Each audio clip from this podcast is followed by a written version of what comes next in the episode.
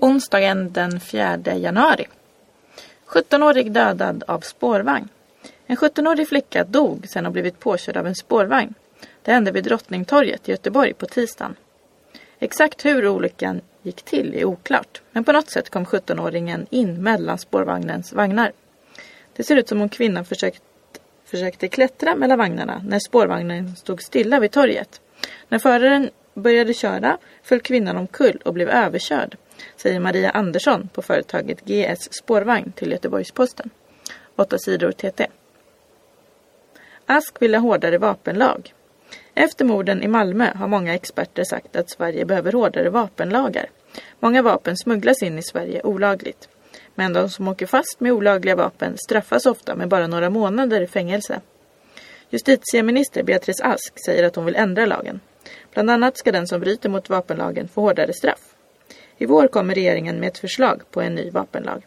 Ask säger också att poliserna i Malmö kan få extra pengar och hjälp för att lösa de många morden. 8 sidor TT. Bra av slalomtjejerna. Det gick bra för de svenska tjejerna i slalomtävlingen i Zagreb på tisdagen. Tre svenskor var bland de tio bästa i världscuptävlingen. Bäst av dem lyckades Maria Pieterle Holmner som kom på femte plats.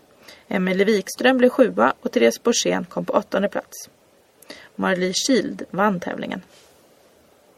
EUs nya miljöregler för flyget retar många. Europeiska unionen, EU, har infört hårdare utsläppsregler för flyget. Från och med i år måste alla flygplan som startar och landar i något EU-land betala en särskild avgift för utsläppen av koldioxid. Målet är att utsläppen från flyget ska minska kraftigt fram till år 2020. Protester mot de nya reglerna har varit häftiga. Flygbolag från USA, Kanada och Kina vill inte betala för sina utsläpp. 43 länder har sagt att de ogillar de nya reglerna och har försökt stoppa dem. Men det har inte lyckats.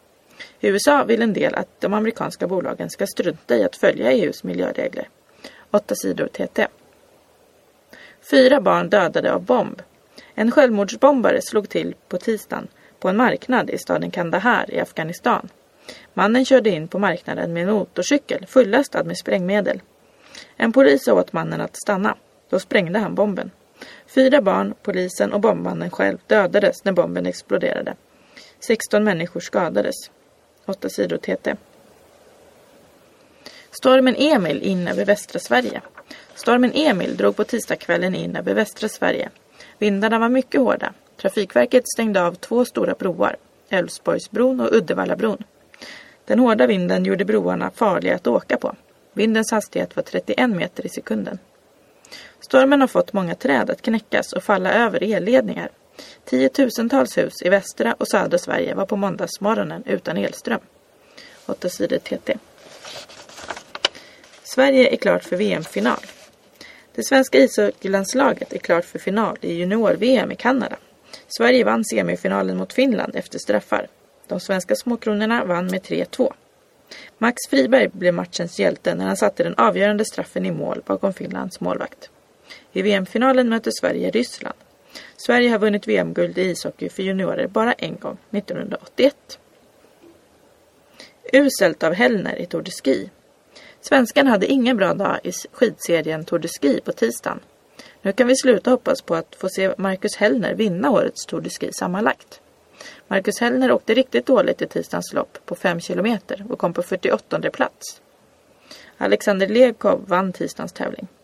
Dario Cologna från Schweiz leder Tour de Ski sammanlagt före Petter Northug från Norge. Ännu en man skjuten i Malmö. På tisdagen blev en man i 50-årsåldern ihjälskjuten i Malmö. Han blev skjuten på Kantatgatan i området Lindängen. Det hände bara två dagar efter att en 15-årig kille hade blivit skjuten i området Rosengård. Det har varit många mord i Malmö den senaste tiden.